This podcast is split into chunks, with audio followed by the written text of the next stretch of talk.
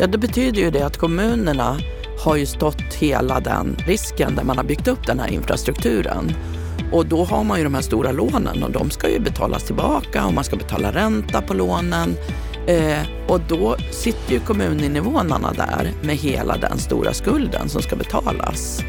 Eh, så att det är ju, det är ju jätteproblematiskt för man har ju dessutom tagit risk stora, det kan vara stora områden som har ödelagts på olika sätt eller eh, man kanske har eh, fått göra massa saker som, som liksom är helt i onödan.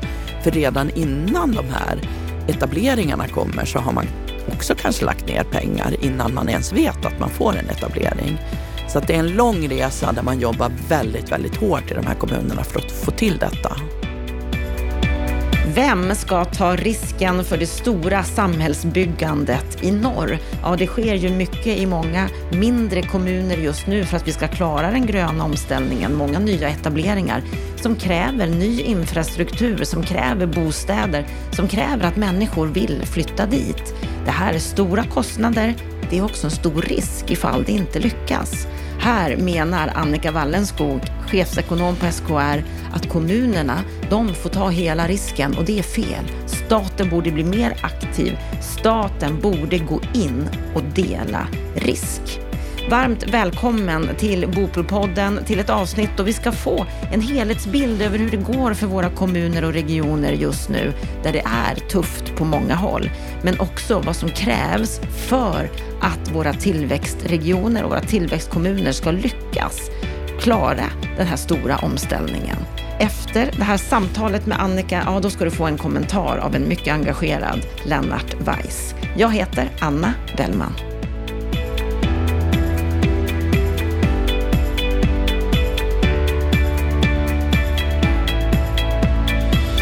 Det är en tuff ekonomisk tid som kommuner och regioner går till mötes. Vårens ekonomirapport från Sveriges kommuner och regioner, SKR, visar på en snabb negativ förändring. I år budgeterar 48 av 290 kommuner och 17 av 21 regioner underskott. Resultaten beräknas falla med nästan 50 miljarder kronor jämfört med 2022. Det betyder ett underskott i år på totalt 6 miljarder kronor. Och vad betyder de här siffrorna egentligen? Det vill säga hur allvarligt är läget? Det ska vi ta reda på nu. Varmt välkommen till Bopolpodden Annika Wallenskog. Tack så mycket.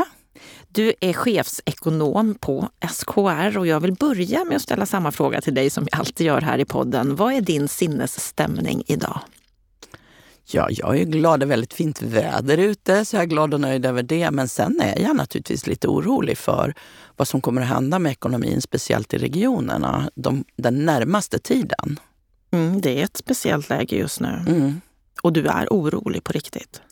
Ja, jag är orolig att man inte tittar på lång sikt utan att man vidtar åtgärder utifrån det ekonomiska läge vi har nu.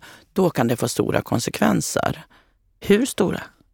Ja, det är regioner som säger att ska vi komma ner i ekonomin i den nivån vi skulle behöva inför 2024, då skulle vi behöva lägga ner ett större sjukhus.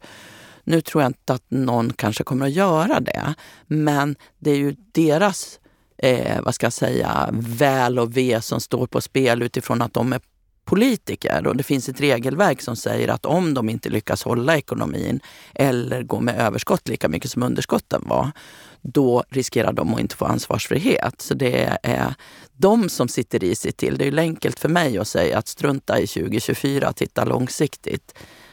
Men det finns en tendens, menar du, att det är för kortsiktigt tänk just nu? Ja, precis. Det finns ju ett regelverk som bygger på att kommuner och regioner alltid ska ha överskott. Och har de inte det så ska de återställa det inom tre år. Och det här som händer nu det är ju att pensionsskulden ökar jättemycket till exempel. Och det är ju en långsiktig skuld. Och det slår igenom på resultatet både 2023 och 2024 så det ser uruselt ut. Vi räknar med att regionerna, om de inte vidtar större åtgärder, kommer att få över 20 miljarder minus. Och om de då skulle anpassa sig till det, då skulle det innebära jättestora neddragningar. I vilka volymer då? Konkret, vad, vad handlar det om? Ja, eh, 20 miljarder. Och då, är det, då ska jag säga för att få ett nollresultat så skulle de behöva dra ner med 20 miljarder. Eh, Men vi kan ju jämföra med hela gymnasieverksamheten i Sverige kostar 75 miljarder. Då får man litet grepp om att det, och det är då regionernas underskott. Sen räknar vi med att kommunerna också kommer att ha ett underskott på över 7 miljarder om man inte vidtar åtgärder. Och vad är det för typ av åtgärder som man skulle kunna vidta menar du? Ja, de som finns det är ju naturligtvis effektiviseringar och det ska de ju alltid jobba med. Men även större besparingar, nedskärningar eller skattehöjningar. Och då tänker ju alla som då betalar skatt hjälp. Hur många höga skattehöjningar kan det, kan det handla om? Ja, det ser ju olika ut. Men det här, om man säger själva underskottet motsvarar ungefär en krona i kommunal skattehöjningar. Det vill säga på varje hundralapp man tjänar så skulle man i snitt betala en krona mer. Så det är ju ganska stora belopp. Men det är ju inte så att Sverige som land för den skulle fattigt. Staten har jättestora, alltså en väldigt låg skuld i ett internationellt perspektiv. Så du menar att Sverige som land, vi klarar oss ganska bra? Ja, det gör vi. Absolut. Men det är kommuner och regioner ja. som ligger lite risigt till just nu? Ja, på grund av det här med att pensionsskulden ökar så mycket. Och det är ju ingenting de har kunnat påverka. Eh, och sen har vi ju allt annat som också påverkas av inflationen. Naturligtvis hyror och livsmedelskostnader och allting annat. Men det här det absolut jättestörsta det är pensionsskulden som ökar med 60 miljarder på två år. Det är mycket. Det är jättemycket. Nu kommer man från väldigt starka resultat och det är väl därför jag tycker det blir så konstigt att eh, ja, bara för det här händer nu med inflationen under två år så får de inte tillgodoräkna sig att de har haft liksom stärkt sin soliditet väldigt mycket under en lång tid. Så det borde man kunna göra menar du? Jag tycker att man borde kunna liksom jobba med ekonomin på mycket längre sikt. Men vi har ett regelverk som egentligen inte är anpassat för en sån här situation. Nej, det är en specifik situation nu. Och du, Annika Wallenskog, du har ju jobbat för Sveriges kommuner och regioner, SKR, i 13 år nu i olika roller. Sedan 2016 som chefsekonom. Innan dess så var du kommundirektör i Vallentuna, du har varit ekonomidirektör i landstinget i Uppsala och i Nacka Nacka och innan dess så var du administrativ direktör på Stockholm Globe Arena som det hette då mm. och som under din tid delades upp i två bolag. Mm. Både en arenaverksamhet och ett fastighetsbolag. Ja. Så under de här åren när du har jobbat med ekonomi, mm. många olika typer av verksamheter, offentliga verksamheter. Vad är det som skiljer nu skulle du säga i den här situationen vi befinner oss nu? Det är att man kommer från egentligen de starkaste resultaten någonsin till bland de svagaste resultaten någonsin om man inte vidtar åtgärder. Men jag har jobbat så länge så jag var ju med under 90-talskrisen och då var det ju mycket tuffare därför då fanns det ju inga pengar hos staten heller. Så att det är ju en stor skillnad på det sättet. Så det är egentligen bättre idag? Men. Det är bättre idag därför att vi som land är ett, ett rikare land än vad vi var på 90-talet. Ni har ju kommit med en, en rapport för några veckor sedan och jag inledde ju det här samtalet med att citera från den att det är 48 av 290 kommuner som budgeterar underskott. 17 av 21 regioner, du har ju nämnt det, det är ju värre för regionerna, större summor. Hur skulle du säga att kommunerna och regionerna hanterar den här situationen, givet läget som vi har?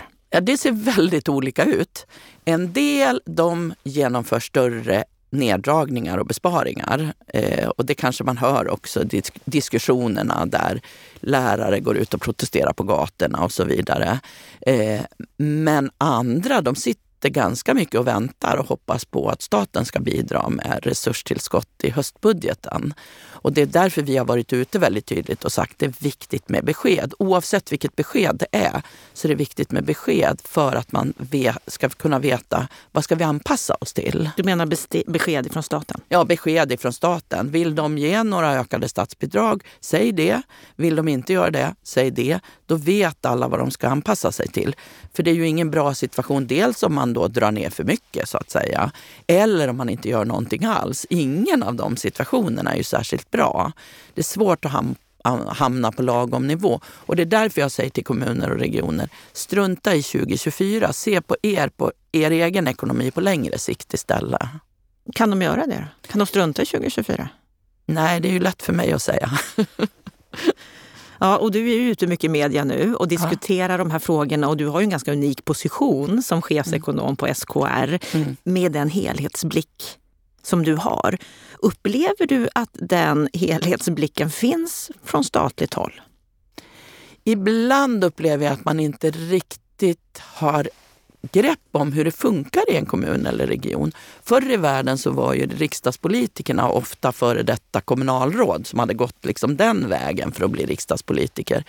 Nu upplever jag att det är många riksdagspolitiker som kommer från andra sektorer och har svårt att förstå hur det fungerar. Och det kan jag känna att jag blir lite frustrerad över ibland. Att man eh, inte riktigt sätter sig in i den situation som deras kompisar inom samma parti har. Och vart är den största kunskapsluckan skulle du säga?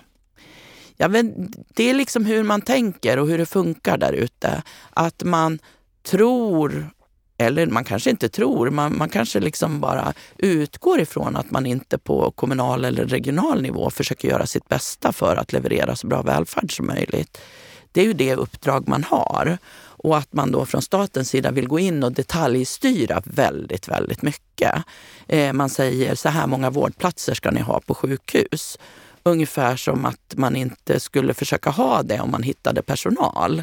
Så det är väl den känslan jag får ibland, att man, att man inte riktigt tar höjd för hur, hur, hur ser det ut där ute.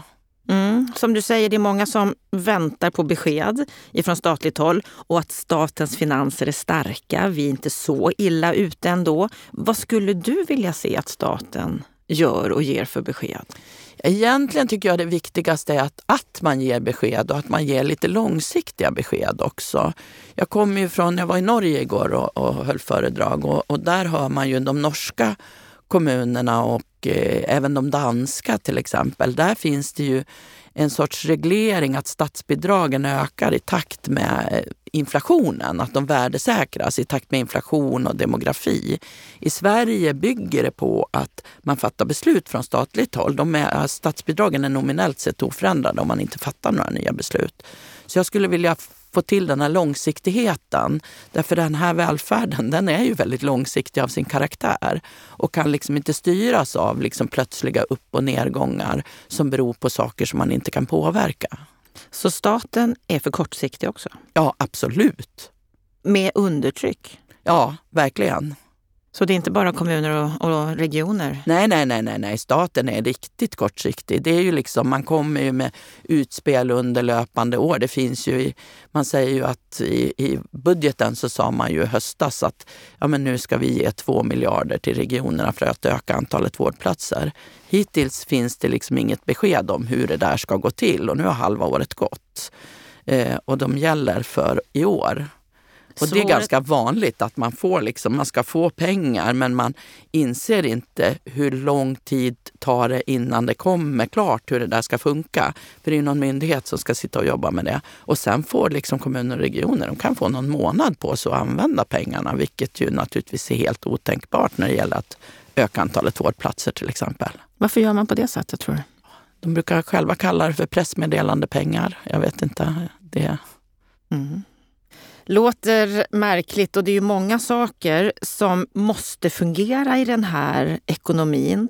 Tittar vi på vårt land så har vi ju några spännande regioner där det ska växa kraftigt just nu. Vi pratar ju ofta om tillväxtregionerna i norr med eh, Skellefteå och Boden och nu i Timrå ska det byggas fabrik och så vidare. Och sen har vi ju även nya ställen i västra eh, Götaland också, där, där, där det sker mycket just nu. Och det här är ju satsningar som betyder mycket för orten såklart, men som också har sina utmaningar. Och du håller just nu på med en rapport som ska släppas under den här månaden, juni, för Almedalen. Och där berättar du bland annat att de här satsningarna i de här tillväxtregionerna, det ger ju enorma möjligheter för kommunerna, men att man kanske inte alltid tänker på att kommunerna också tar väldigt stora risker. Och att de vinster som de förhoppningsvis får kommer ju först på sikt. Hur skulle du säga att de ekonomiska förutsättningarna ser ut för de här tillväxtregionerna? Ja, vad man kan se, det här är ju en viktig omställning för att vi ska klara av den här gröna omställningen i Sverige och att vi ska klara av de miljömål som är satta. Men vad man kan se det är ju att det kostar ju väldigt mycket för kommunerna också att få till den infrastruktur som behövs för att vi ska få till den här gröna omställningen. Det handlar ju om, jag har ju tittat specifikt på Boden, Skellefteå och Luleå. Och då handlar det om till exempel både Luleå och Skellefteå måste bygga om sina hamnar. Man måste bygga särskilda spår. Man måste bygga liksom hela infrastrukturen vad gäller VA och allt tekniskt. Eh, men även bostäder, eh, skolor, förskolor. Så att det är väldigt, väldigt stora investeringar som krävs för att få till det här. Eh, Luleå pratar om 30 miljarder ungefär. Skellefteå 27 miljarder och Boden, som ju är ganska litet, 5 miljarder. Men det är ett tidigt skede, det kan bli mycket mer. Så det är gigantiska investeringar? Det är gigantiska investeringar. Och risken som jag ser det, det är ju att det drabbar invånarna i de här kommunerna. För det är ju de som får stå hela den här kostnaden, för de måste ju låna upp de här pengarna. Och vi ser ju nu att de har lån som växer väldigt, väldigt snabbt i de här kommunerna. Så det du säger, det är att kommunerna tar hela risken? Ja, så ser jag det. Staten har ju inte lagt in några pengar i det här. Det är ju inte så att kommunerna får pengar från staten för de här infrastrukturinvesteringarna eller de här andra investeringarna. Och här har ju du varit ute och sagt att du vill se en riskdelning. Ja. Där staten går in och avlastar kommunernas risktagande. Hur, hur, skulle en sån riskdelning se ut? Ja, men man kan, jag tycker det är svårt att säga exakt så här bör det vara. Eh, men man kan ju tänka sig till exempel, för det är ju så att vinsterna som kommer, bolagsskatt går till staten. Det, de här bolagen ska ju betala skatt. Momsintäkter som kommer av all den, all den konsumtion som sker till följd av detta går ju till staten.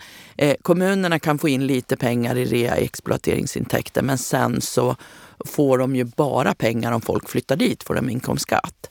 Så att man skulle ju kunna tänka sig att kommunerna får del av till exempel eh, momsintäkter, kanske inte så bra, men däremot bolagsskatter från de här bolagen.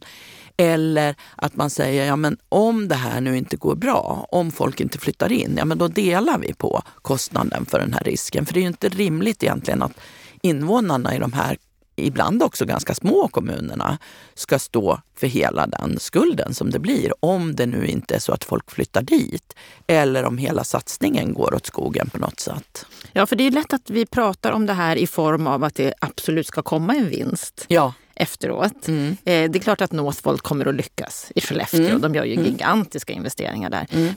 Men om det är så att någon av de här satsningarna, då, vi har ju inte bara Northvolt mm. och batterier utan det är fossilfritt stål och vätgas och så vidare. Mm. Om inte någon av de här verksamheterna lyckas, vad kommer det att betyda? Ja, det betyder ju det att kommunerna har ju stått hela den risken där man har byggt upp den här infrastrukturen. Och då har man ju de här stora lånen och de ska ju betalas tillbaka och man ska betala ränta på lånen. Eh, och då sitter ju kommuninvånarna där med hela den stora skulden som ska betalas. Eh, så att det är ju, det är ju jätteproblematiskt för man har ju dessutom tagit risk. Stora, det kan vara stora områden som har ödelagts på olika sätt eller eh, man kanske har eh, fått göra massa saker som, som liksom är helt i onödan. För redan innan de här etableringarna kommer så har man också kanske lagt ner pengar innan man ens vet att man får en etablering. Så att det är en lång resa där man jobbar väldigt, väldigt hårt i de här kommunerna för att få till detta. Måste man ta en sån stor risk som kommun?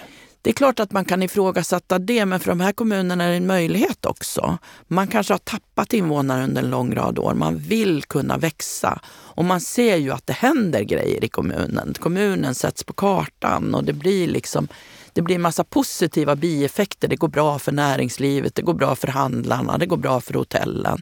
Det är exakt det man vill som kommunalråd i en kommun, att det ska gå bra för kommunen. Mm. Ja, jag möter ju många företrädare från många av de här kommunerna mm. och mm. några av dem har vi ju haft här i podden också. Mm. Det är ju mycket optimism. Ja. Det är mycket framtidstro. Ja. Det är väldigt mycket av, det är klart att vi fixar det här. Mm. Men Precis. nu är det ett speciellt ekonomiskt läge.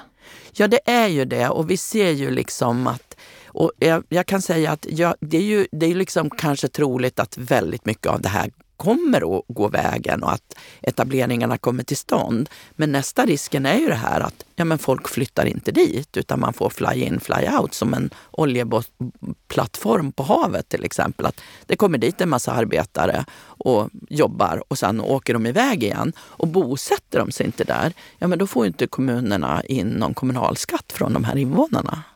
Du pratade om Norge förut. Ja. Och där får ju kommuner del av bolagsskatten från energibolag som är etablerade i de så kallade kraftkommunerna. Mm. Utbildad arbetskraft får även delar av sin studieskuld avskriven om de bor och arbetar i vissa kommuner, ofta då nordliga kommuner med arbetskraftsbrist. Ja. De stöttar ju på ett speciellt sätt ja. i Norge. Skulle en sån modell kunna fungera för Sverige? Ja, vi har ju, det är ju en utredning som har tittat på det här, kommunutredningen, och gjorde ett förslag till exempel om det här med att man skulle kunna få nedskrivning av studielånet om man flyttade och arbetade i de här kommunerna med stor arbetskraftsbrist. Och vi tyckte att det var ett bra förslag och det funkar ju i Norge, så varför inte?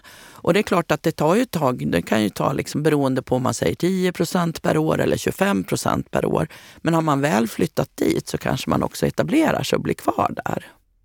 Så att jag tycker att det är en väl fungerande. Sen kan man ju säga när det gäller det här med kraftkommunerna i Norge. Vad det innebär det är ju att vi har superrika kommuner i Norge, speciellt nu kan jag säga. Eh, och sen är grannkommunen väldigt fattig och det kan ju slå på liksom att vissa kommuner då bara för att de har turen att kunna ha vattenkraft kan bli väldigt rika. Så då kan man ju fundera på, kan man se en annan fördelning av det här? Men just i det här läget är det ju kommuner som ändå står med väldigt stora investeringsutmaningar och kommer att få betala av de här lånen på de här investeringarna. Men om du skulle få önsketänka, vilken modell skulle kunna fungera i Sverige för att dela risken bättre mellan då kommun och, och stat?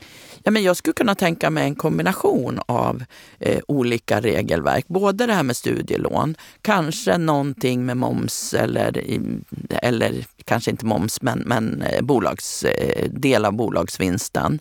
Och sen kanske också någon typ av risk och förlustdelningsmodell. För staten har ju väldigt mycket att tjäna på att de här etableringarna blir av. Det är ju liksom nödvändighet för att vi ska klara omställningen. Så att jag kan tänka mig att man kan liksom ha flera regelverk som man använder. För en sak till som händer i de här kommunerna också, det är ju att den här arbetskraften som ska jobba på de här eh, industrierna, de kommer ju att konkurrera med arbetskraften som behövs i kommunerna. Och dessutom så har vi ju andra delar av till exempel Norrbotten och Västerbotten som kanske också kommer, där arbetskraften kommer att komma ifrån de, de inre delarna eh, som då blir av med arbetskraft kanske. Så att det kommer ju att bli en jätte jättestora problem för kanske hela Norrbotten och Västerbotten att hitta arbetskraft. Upplever du att det finns en öppning från statligt håll att faktiskt förändra regelverken, hur de ser ut, att gå in och stötta mer? Man hade ju en statlig samordnare, men den samordnaren hade ju bara till uppgift att titta på kan, hur kan vi liksom få de statliga besluten att gå, gå, snabbare? Kan staten låna ut pengar till kommunerna? Men de har ju oftast inga problem att låna pengar. De är ju liksom kreditvärdiga. Så att de vill väl inte ha lån utan de vill väl snarare ha ersättning. Och Skellefteå till exempel har ju fått lite bidrag från EU. Såna här, det finns ju vissa fonder. Men från svenska staten har man inte fått några pengar. Det låter som att det är ganska passivt från statligt håll. Ja, jag tror att man tycker att det här är kommunernas ansvar helt och hållet. Ja, märkligt. För det är viktigt för hela Sverige. Ja, precis. Och vad vi har sett i Sverige, det är ju när, när företag har gått i konkurs. Ja, men då kan staten gå in med, med stöd och satsningar. Men jag tror att det är viktigt liksom att fundera på det redan i förväg. I och med att det är så pass stora risker förknippade med det här. Vad skulle krävas då för att staten skulle bli mer aktiva och gå in? Ja, att man kanske intresserar sig mer för det som händer på de här ställena och ger i uppdrag åt någon att ta fram ett regelverk som skulle kunna gälla. Och då handlar det om att man kanske liksom gör någon sorts trepartsöverenskommelser. Staten, de här bolagen som ska gå in och kommunen till exempel om man vill få till stånd de här satsningarna. Nu går ju kommunerna in i dem ändå därför att man så gärna vill. Men, men vi har ju inte sett vad som händer, för det är ju också ganska många satsningar som görs. Det är ju inte bara liksom batterifabrik, det är grönt stål, det är vätgasfabriker, det är batterifabriker och anodfabriker i, på många ställen i Sverige. Vem på statligt nivå ska vi pinpointa? Ja, men jag tror att det behöver vara en kombination med både näringsdepartement och finansdepartement till exempel, som tittar över regelverken. Som, som, som du sa så är det ju många saker som ska komma på plats i en kommun för att de här stora satsningarna ska fungera fullt ut. Bland annat då bostadssituationen och vi har ju pratat mycket om den här i podden på många olika sätt. Och, och här ser vi ju att det behövs ju verkligen nya bostäder för att människor inte bara ska köra fly-in fly-out utan verkligen vilja bosätta sig på en ort. Och tittar man då på exempelvis då Skellefteå där Northvolt har kommit längst av de här satsningarna. Hur, hur ser situationen ut från ditt perspektiv? Just nu är det jättetufft för dem. Det flyttar ju visserligen in folk men det är ju inte alls så många som skulle behövas. Och det är jättesvårt att få tillstånd nya bostäder. Och man, det fanns ju fram till nu då så har det funnits till exempel ett bidrag för bostadsbyggande som nu precis har tagit slut så att säga. Sen finns det ju regelverk som gör att det kanske är svårt också att bygga bostäder i de lägen som är väldigt attraktiva att bygga i. För många som flyttar dit kanske vill ha villor i trevliga områden. Eh, gärna sjönära eller på annat sätt, liksom att det är fint. Men just nu så är det ju de här företagen som köper upp många villor och använder dem för att hysa in då personal som jobbar där eh, för att få dit folk. Och då kan det ju vara också att de kommer dit och så bor de i de här villorna kortsiktigt och så flyttar de därifrån. Och det för ju också med sig en massa annat. Ekonomisk brottslighet, drogmissbruk, prostitution och så vidare. Så att det är ju inte, det är inte någon trevlig miljö många gånger när det kommer liksom ett gäng eh, personer, då, ofta män i liksom yrkesverksam ålder, som ska bo ihop under en period långt från sina hem. Det är inte det där samhällsbyggandet som vi vill se. Nej, det är ju inte riktigt det samhälle som man vill se heller. Utan man vill ju se ett liksom blomstrande samhälle där folk bor långsiktigt. Och nu är vi i en sån situation att det är väldigt mycket av nybyggnationen som ju stoppas. Som du sa, investeringsstödet har tagits mm. bort. Och, och det, det, är ju mycket nyproduktion som helt har stannat av. stannat av. Man pratar ju om en rejäl bostadskrasch. Ja. Vad betyder det? Ja, men då bygger ingen bostäder. Då är det ju liksom då, då, kommer, då har inte folk någonstans att bo heller. Och då vill de ju inte bosätta sig där. Och Arbetsförmedlingen, om de ska säga till folk att du får flytta dit för att ta det här jobbet, ja men då bygger ju det på att det finns någonstans att bo för de personerna som, som ska flytta dit. Så att det, det är ju jätteproblematiskt för de här kommunerna. Och också att det krävs att ska man vilja flytta dit permanent, ta med sig familjen. Det är många ja. saker som ska sammanfalla. Absolut. Och det är därför som man har byggt skolor. Man har ju byggt liksom, eh, skolor och förskolor med engelskspråkig personal och så vidare. För att man, för det är, de försöker ju få hit folk från, inte bara Sverige, för arbetskraften i Sverige kommer ju inte räcka, utan Holland, Tyskland, Indien och väldigt många länder för att kunna erbjuda dem att komma dit. Och då måste man ju ha skolor med andra språk. Hur oroliga ska vi vara? Det är klart att det här kommer ju, de, det mesta av det här kommer ju att bli något och det kommer att bli fabriker. Men det som är oron det är ju just det här med att, att vi får den här fly-in fly-out situationen. Det blir inga trevliga samhällen. Vad kan man göra åt det? Ja, men jag tror det här måste ju staten också underlätta och få till bostadsbyggandet på ett bra sätt. Det har ju funnits regler förr i världen som gjorde att väldigt många ville bygga bostäder. Och det är ju många grejer som, som kanske inte heller staten kan påverka. Jag tänker på det här med nedskrivning av bostäder eh, på en marknad där de inte är så mycket värda till exempel. Och det kan ju vara så att i dagsläget i, i Boden till exempel så är det inte en marknad där, där man får behålla, där man måste, det är en marknad där man måste skriva ner värdet på fastigheterna. Så det finns många trådar man behöver dra i eh, inom många områden för att underlätta bostadsbyggandet. Mm. Du tar ju upp mycket av det här i mm. din kommande rapport. Vad är det du konkret ja. vill se?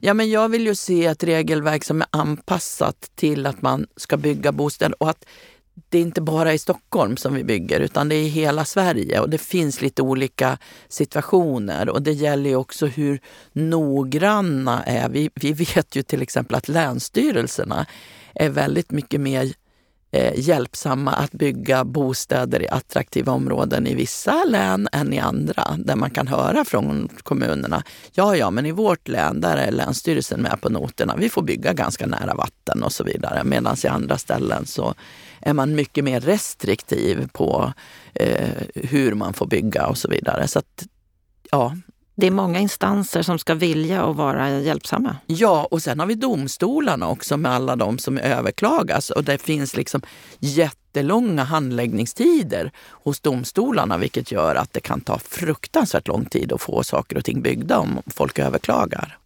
Mm. Många parametrar ja. där det är oerhört mycket ja. som spelar roll. Ja, precis. Många delar där då olika instanser som sagt ska förstå sin roll. Ja, precis. I det här. Ja. Låter ju nästan som en omöjlig uppgift.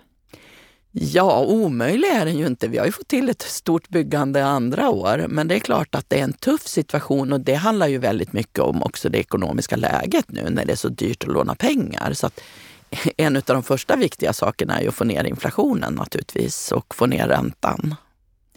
Ja, speciellt läge. Mm. Och jag förstår att du från din position försöker se verkligen helheten. Och hur, tror du, hur tror du att din rapport här nu kommer att tas emot? Kommer den att bidra till något? Jag hoppas det. Vad jag försöker göra det är ju inte liksom bara peka finger, gör så här, utan visa liksom problembilden från olika perspektiv. Och att man börjar fundera över ja, men hur kan vi liksom underlätta den här situationen. För jag tror ju att alla svenskar vill ju kunna liksom få del av den här omställningen. Eh, som de säger i Skellefteå, ja ja men batterierna vill de ha. Mm, speciellt, speciellt. Du, jag skulle vilja ta upp en helt annan sak med dig också nu när jag ändå har chansen. Mm. Och det är ju ett bolag som det är väldigt turbulent kring just nu. Samhällsbyggnadsbolaget SBB som ju äger många samhällsfastigheter, ofta med offentliga hyresgäster. Och just nu pratas det mycket om att kommuner vill köpa tillbaka många av de här fastigheterna. Hur ser du på den här situationen? Vi har ju gjort, tagit fram en sån här rapport för länge sedan när vi såg att det här blev allt vanligare som hette äga eller hyra med liksom checklistor, hur ska man tänka och så vidare. Och vi intervjuade ju också kommuner, varför gjorde man det här? Och då kan man säga att kommunernas svar var inte vi tror att vi tjänar pengar på det, utan det kunde vara till exempel, ja men vi vill få in en entreprenör på orten för vi vill få bostäder byggda. Och enda sättet att få bostäder byggda det är att liksom vi får in någon som finns här på orten redan, annars vill man inte göra det. Ett annat skäl kunde vara att vi vill konkurrensutsätta vår fastighetsförvaltning. Vi tycker att de inte är tillräckligt bra eller tillräckligt effektiva och därför vill vi få in någon annan ägare av vissa fastigheter också för att liksom kunna konkurrensutsätta eller se liksom, hur driver de det här och så vidare. Eh, och många sa ju också att de hade fått för sig att de inte fick låna pengar från Kommuninvest därför att de hade för sig att det fanns något sorts lånetak. Nu har ju Kommuninvest sagt att nej, vi har inget lånetak. Men indirekt har nog kommunerna känt att det finns det här och då har man ju liksom behövt massa pengar för att investera i och de har sålt och så har man använt de pengarna för att investera. Och det är klart att jag tror att redan i början av året när man såg att oj, nu gick hyrorna upp med 11 procent här på grund av att de var reglerade från KPI i oktober förra året så tror jag att många blev lite, oj, blev det så här dyrt plötsligt? Jag tror inte man har liksom funderat över det här med inflationen. Utan man kanske liksom tycker att man har fått ett bra hyresavtal. Eh, och nu tror jag att en hel del känner oro, men inte alla. En del säger nej men vi är så pass nöjda med vårt avtal så det är inte så viktigt egentligen eh, vem som blir ägare eftersom avtalet finns kvar. Andra säger att nej men vi vill absolut köpa tillbaka. Och några har ju skrivit in någon sorts återköpsklausul så de har ju liksom fått möjlighet att köpa tillbaka. Så det ser väldigt olika ut hur, hur man har tecknat de här avtalen. Och skälet också till att man har gjort det. Men det är klart att det är ju ett bekymmersamt läge beroende på att man vet ju inte vem som blir ägare. Och även om avtalen gällande hyrorna är kvar så, så vet man ju inte heller vad händer med renoveringar och sådana här saker. Plus att vad vi ser nu, det är att vi tappar barn och unga de kommande åren. Och väldigt mycket fastigheter är kopplade till förskolor och skolor. Och det är klart, om man då vill använda, göra om de här förskolorna och skolorna kanske till äldreboenden eller eh, göra någonting annat med dem, då kan ju det också vara svårt om man inte har en, en hyres eh, fast, eller en fastighetsägare som är villig att ställa om på det sätt som kommunerna kanske har behov av. Mm. Så osäkert läge ja. för många kommuner. Ja. Och samtidigt låter det också på dig som att det finns möjligheter. För vad vi vet så är det ju att demografin den utvecklas ju mm. åt att vi blir mer och mer en äldre befolkning. Ja. Att vi behöver fler äldreboenden. Så att ja. vi behöver inte kanske oroa oss för tomställda lokaler. Nej, utan det är snarare kan vi ställa om de här lokalerna nu när vi har en fastighetsägare som vi inte kanske kan prata med på det sätt som man hade tänkt från början. Så att det är ju, därför vore det ju bra om det är liksom, typ i alla fall svenska fastighetsägare eller fastighetsägare som är engagerade i att ha en bra relation med kommunerna. Mm. Det är en utveckling vi får hoppas på. Ja, precis. Vi får väl se liksom vilka, vilka konstellationer det blir. Och kommunerna kan ju också bara äga fastigheter i sin egen kommun så de kan ju inte gå in och liksom köpa. Om man, det beror ju på hur man paketerar ihop de här fastigheterna för det vet vi ju inte heller riktigt utan det får man också se. Vad är ditt budskap till politikerna? här? Ja, mitt budskap är att ta kontakt med SBB och prata med dem om hur, hur, vad händer med våra fastigheter. Kan vi köpa tillbaka dem? Men det är klart, kommunerna får ju också betala en högre ränta om de ska låna till det nu. Så att, eh, men, men det kan ju vara värt det beroende på hur pass viktigt det är med de här fastigheterna. Men jag vet ju att Kåpan till exempel, svenska, eh, alltså statens eh, pensionsbolag har ju köpt tillbaka en del av de statliga fastigheterna. Mm, det, det, rör på sig på många områden kan vi ju lugnt säga. Ja. Och nu ska ju både du och jag snart till Almedalen och träffas mm. där och fortsätta ja. diskutera där. Bland annat då på ett av seminarierna som Bopolpoddens ägarbolag Veidekke kommer att, mm. kommer att ha. Vad kommer vara ditt huvudbudskap i Almedalen? Ja, men jag tycker att det är viktigt Dels det här med de här kommunerna som nu satsar så pass mycket. Det är ju viktigt att staten stöttar på olika sätt. Men det är också viktigt att staten på de sätt man kan se till att underlätta bostadsbyggandet. För att om vi ska få till, och det handlar ju om liksom specifikt i vissa kommuner där vi ser också att vi har fortsatt ett stort behov av bostäder. Det ser ju inte riktigt olika ut man märker ju liksom att direkt när, när det blir dyrt att bo så finns det ju många som kanske inte flyttar hemifrån lika snabbt och så vidare. Men, men det finns ju stora behov fortfarande av bostäder. Eh, och det finns ju också stora behov av, av liksom fastigheter på andra sätt, speciellt inom äldreomsorgen. Eh, så här är det ju viktigt liksom att, att staten stöttar på det sätt de kan. Men som vi pratade om nyss, det är på väldigt många områden som det behövs. Mm, det är så mycket som händer i vårt land och det är ett exceptionellt svårt läge med tanke på inflation och, mm. och annat. Men jag hör ju på dig, du vill ha en mycket mer aktiv stat. Ja, det vill jag. Stort tack Annika Wallenskog för att du kom till Bopolpodden. Tack så mycket.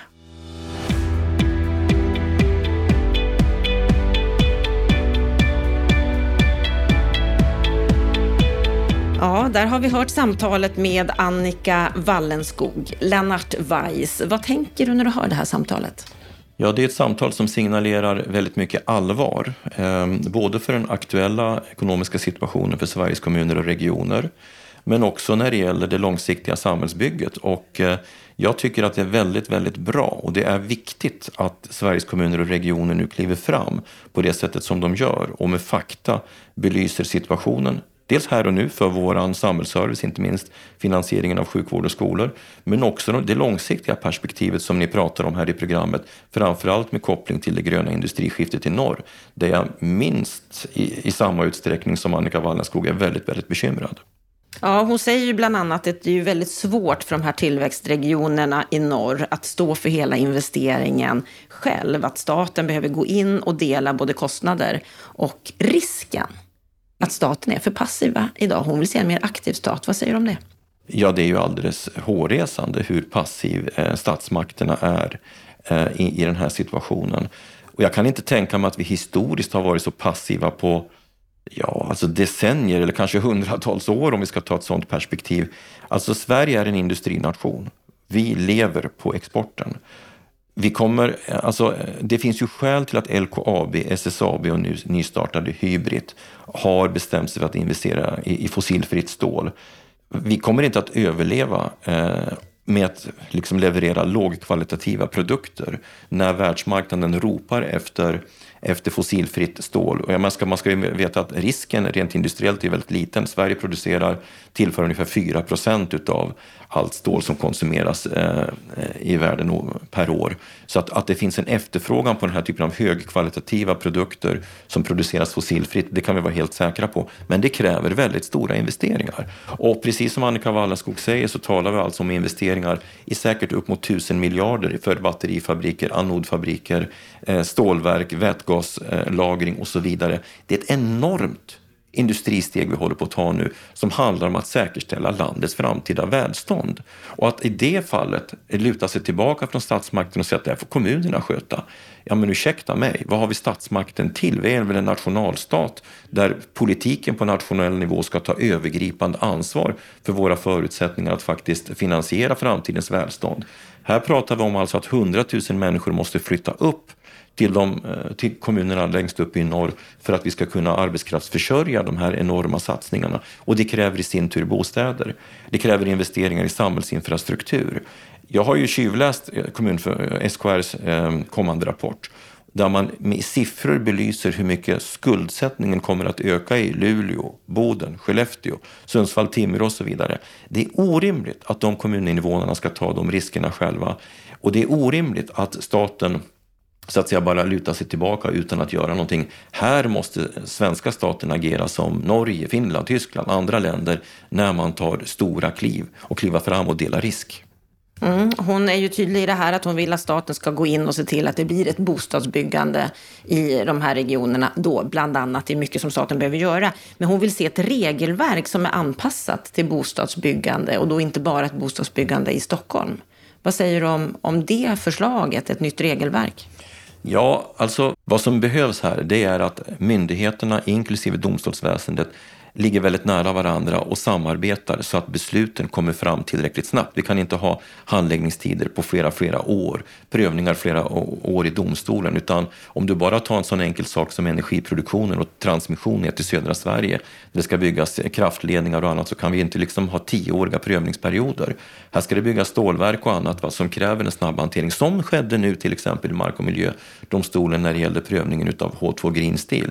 Men det jag är mest orolig för, det är ju byggandet av samhällsinfrastruktur inklusive bostäder. Jag har lyssnat nu på P1 eh, under de senaste sex månaderna och hört jublande kommunalråd i Timrå, i Boden och på andra ställen om de här nya industrietableringarna. Det gäller förresten också Mariestad. Va? Eh, och så säger de att jo men Självklart så kommer det byggas bostäder. Det finns ett jättestort intresse för, från branschen att bygga. Ja, det finns det. Men just nu så får man inte ihop några kalkyler och då byggs inte de bostäderna. Och byggs inte de här bostäderna då blir det precis som Annika Wallenskog säger en, en fly-in, fly-out situation som skapar en massa samhällsproblem. Men framförallt så kommer ju kommunerna inte då få de skatteintäkter som de behöver för att finansiera de här enorma investeringarna som tas. Så det här är en situation där staten måste kliva in på samma sätt som man gjorde på 1950-talet när vi så att säga medvetet strukturerade om svensk industri den gången, slog ut mindre olönsamma eh, stålverk, järnverk och koncentrerade befolkningen till storstäderna där tjänsteindustrin, den moderna tjänsteindustrin tog sats. Då hade vi flyttbidrag, då hade vi bosättningsstöd via Riksbanken och så vidare. Nu måste staten engagera sig i det övergripande samhällsbygget igen. Och då måste man titta tillbaka i vår historia, men man måste också titta på våra grannländer. Om de i det här läget sitter med armarna i kors, då förtjänar de verkligen att förlora nästa eh, val rejält. Därför att så passivt som man agerar nu, det är inte acceptabelt från ett nationellt perspektiv. Mm, du är enig med Annika här att det behövs en betydligt mer aktiv stat. De måste gå in, dela både kostnader och den stora risken som de här kommunerna tar. Det är det som är statens uppgift. Det är det som är statens uppgift. Stort tack Lennart för din kommentar. Stort tack till dig som lyssnar på Bopolpodden. På fredag, då är vi tillbaka igen med veckans Aktuellt, det senaste som har hänt i branschen under veckan. Innan dess så kan du få ett nyhetsbrev ifrån bostadspolitik.se. Det kommer på tisdagar och fredagar, så gå gärna in på sajten och teckna dig för nyhetsbrevet där. Med detta så önskar vi dig en fin vecka så hörs vi på fredag igen.